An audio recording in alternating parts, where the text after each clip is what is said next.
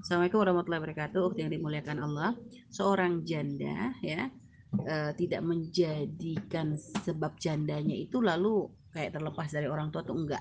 Artinya kalau seandainya seorang janda ingin menikah, maka tetap harus dengan izin dari walinya. Artinya walinya itu walinya itu ya harus dengan dengan pakai wali ya orang tuanya. Ya ini kan ayahnya masih sehat, tiba-tiba nikah melakukan siri dengan yang lain ya, maka nggak sah. Artinya kalau seperti itu nggak benar gitu ya walaupun memang ada pendapat madhab lain tapi kalau dalam madhab kita nggak bisa. Jadi harus menggunakan walinya tetap ayahnya. Jadi gini kebebasan yang diberikan masalah janda itu seperti ini.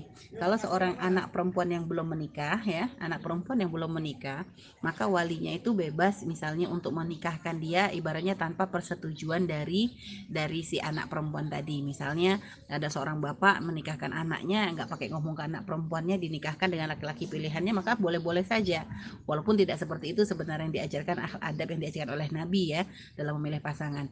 Kan tapi ini diperkenankan. Tapi kalau seorang janda maka orang tua itu tidak boleh menikahkan kecuali dengan izin si janda tadi. Artinya kalau anaknya sudah janda maka kalau misalnya pengen menikahkan dengan laki-laki harus dengan izin dari janda tadi, persetujuan dari janda tadi, persetujuan dari janda. Kalau nggak setuju ya nggak bisa.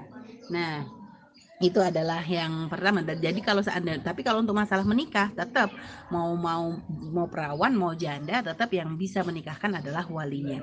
Jadi kalau memang belum ter, belum terjadi maka harus artinya harus hati-hati tidak boleh sembarangan. Nah kalau ternyata sudah terjadi pernikahan gimana? Lah ini nanti hukumnya beda lagi. Kalau begini memang sebenarnya ada pendapat tapi ini jangan langsung dianggap pembenaran atau ngentengin urusan syariat tidak boleh. Tetap hukumnya dosa besar seorang anak yang melakukan hal seperti itu yaitu menjadikan orang tua marah kecewa. Nah, masalah masalah sah gampang tapi masalah keberkahan dalam hidup itu lain cerita. Nah jadi jangan seenaknya hanya ngejar sah tapi tidak mengejar berkah.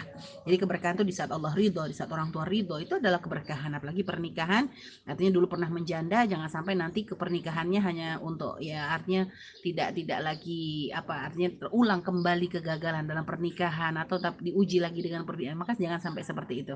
Nah terus ketika seorang jan seorang wanita telah menjadi janda apakah tanggung jawabnya kepada orang tuanya? Ya kembali lagi kepada orang tuanya kalau ternyata nggak ada orang tua kepada abangnya ya. Jadi gitu jadi kepada yang laki-laki ya bagi orang laki-laki abang atau adik laki-lakinya yang akan menjadi penanggung jawab kalau misalnya orang tuanya bapaknya tidak ada.